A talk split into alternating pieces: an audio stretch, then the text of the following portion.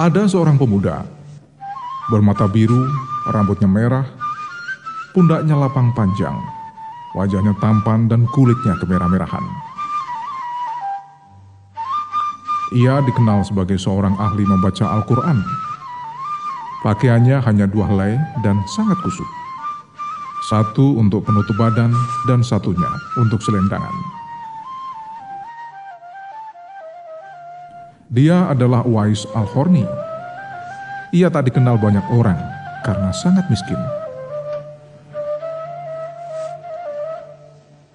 Banyak orang suka menertawakan, mengolok-olok, dan menuduhnya sebagai tukang membujuk, tukang mencuri, serta berbagai macam umpatan dan penghinaan lainnya.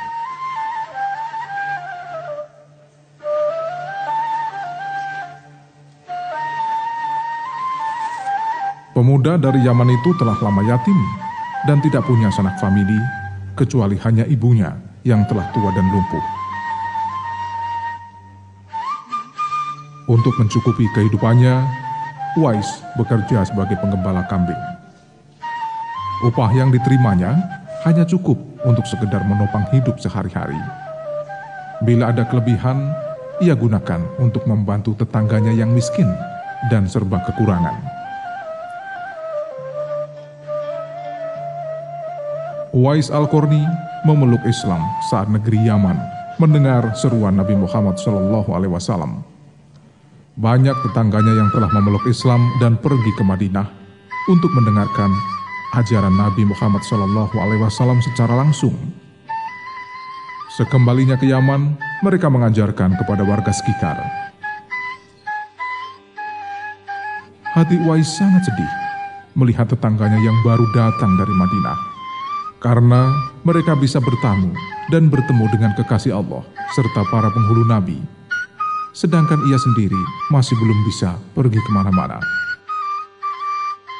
Semakin lama kerinduannya tak terbendung. Hal itu membuat hasrat untuk bertemu tak dapat dibendam lagi.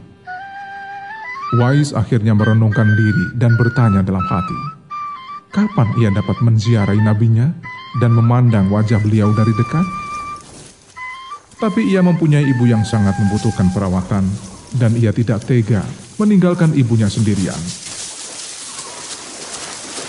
Suatu hari Uwais mendekati ibunya. Ia memohon agar diperkenankan menziarahi Nabi Muhammad Wasallam di Madinah. Ibunya berkata, "Pergilah anakku, temuilah Nabi Muhammad Wasallam di rumahnya. Bila engkau telah berjumpa, segeralah pulang. Jangan lama-lama di sana. Bukan main gembira hati Uwais.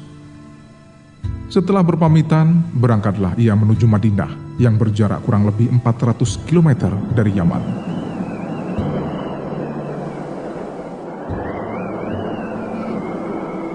Dengan berjalan kaki, ia menempuh medan yang ganas.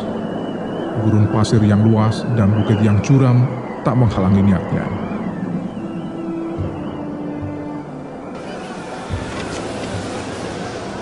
Akhirnya Uwais Al-Horni sampai di kota Madinah dan segera menuju ke rumah Nabi Muhammad Shallallahu Alaihi Wasallam. Saat itu yang ada di rumah hanya istrinya Aisyah karena Nabi Muhammad Shallallahu Alaihi Wasallam sedang berada di medan perang. Uwais kecewa karena ia merasa telah menempuh perjalanan yang cukup jauh, tapi yang dirindukan tidak berada di rumah. Karena ketaatan kepada ibunya yang sebelumnya menginginkan agar ia cepat pulang, maka Uwais segera pulang ke Yaman dan hanya menitipkan salamnya untuk Nabi Muhammad Shallallahu Alaihi Wasallam.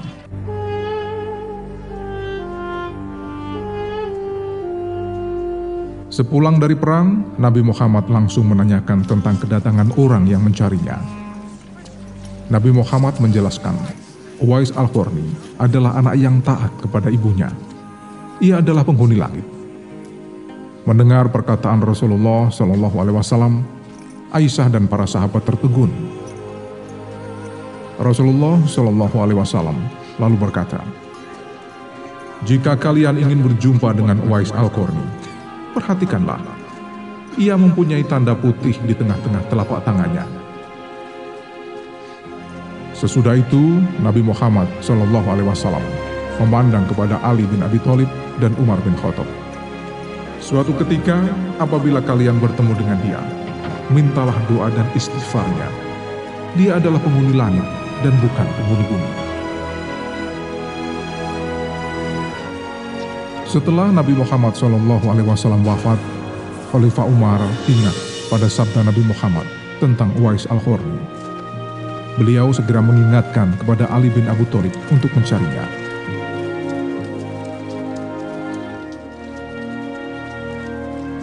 Sejak saat itulah, setiap ada kafilah yang datang dari Yaman selalu ditanya perihal Wais.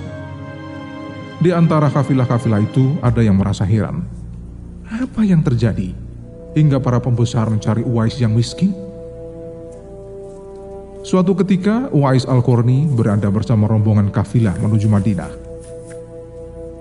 Melihat ada rombongan kafilah yang datang dari Yaman, segera Khalifah Umar dan Sayyidina Ali mendatangi mereka serta menanyakan apakah Uwais ikut bersama mereka. Ketua rombongan mengatakan Uwais saat ini sedang menjaga unta di perbatasan kota. Mendengar jawaban itu, keduanya lalu bergegas menemui Uwais Al-Qarni. Sesampainya di kemah tempat Uwais berada, Khalifah Umar dan Sayyidina Ali melihat Uwais sedang melaksanakan sholat. Setelah mengakhiri sholatnya, Uwais menjawab salam kedua tamu agung itu sambil bersalaman dan menatap keheranan. Sewaktu berjabat tangan, Khalifah Umar bin Khattab segera membalikkan tangan Uwais untuk membuktikan kebenaran tanda putih yang berada di telapak tangan Uwais seperti yang pernah dikatakan Nabi Muhammad Shallallahu Alaihi Wasallam.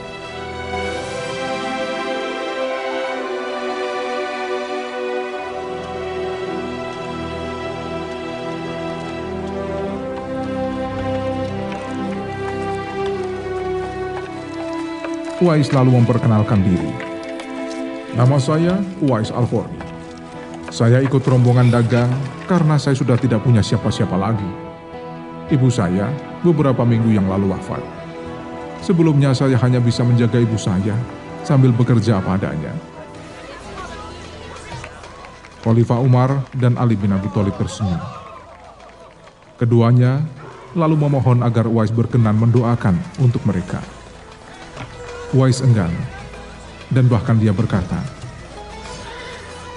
Tuhan, sejatinya sayalah yang harus meminta doa kepada Anda. Mendengar perkataan Uwais, Khalifah Umar bin Khattab berkata, kami datang ke sini untuk mohon doa dan istighfar dari Anda. Baiklah kalau begitu. Uwais lalu mengangkat kedua tangannya, berdoa dan membacakan istighfar.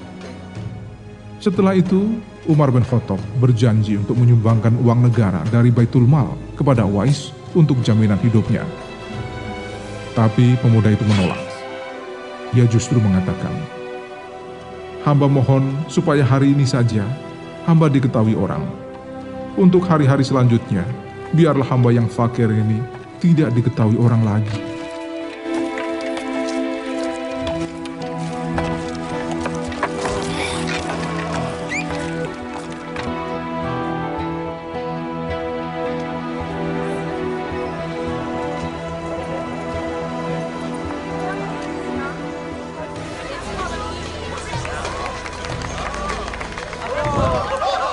Beberapa waktu kemudian tersiar kabar, Uwais Al-Qarni telah pulang ke rahmatullah.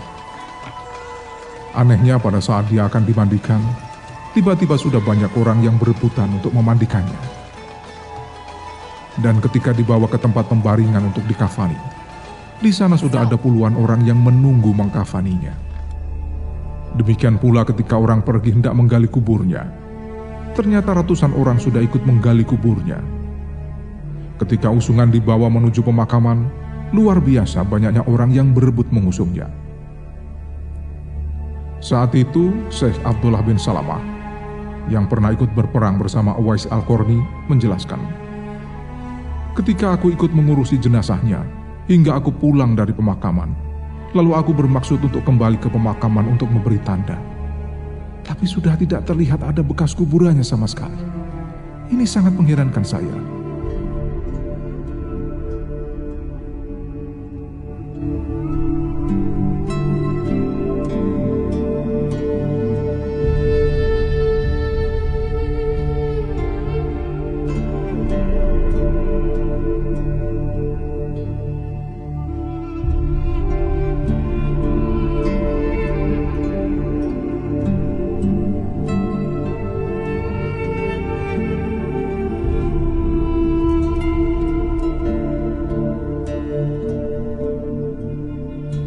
Meninggalnya Uwais Al-Horni menjadi berita yang menggemparkan masyarakat kota Yaman. Banyak terjadi hal yang mengherankan bagi warga. Sedemikian banyak orang yang tidak dikenal berdatangan untuk mengurus jenazah dan pemakamannya. Padahal Uwais adalah seorang yang fakir, yang tak dihiraukan oleh orang. Penduduk kota Yaman tercengang. Mereka saling bertanya, Siapa sebenarnya engkau wahai Uwais? Bukankah Uwais yang selama ini dikenal hanyalah seorang fakir yang tidak memiliki apa-apa, yang kerjanya hanya sebagai penggembala domba dan unta? Tapi mengapa ketika kau meninggal menggemparkan penduduk Yaman dengan hadirnya sosok asing yang tidak pernah kami kenal? Mereka datang dalam jumlah sedemikian banyak.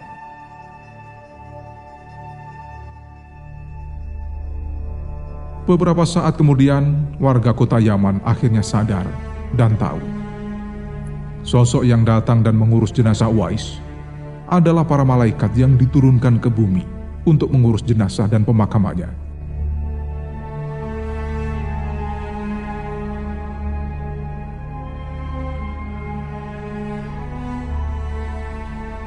Baru saat itulah penduduk Yaman mengetahui siapa sejatinya Wais Al-Qurni. Ternyata ia memang tak pernah dikenal di bumi, tapi sangat terkenal di langit.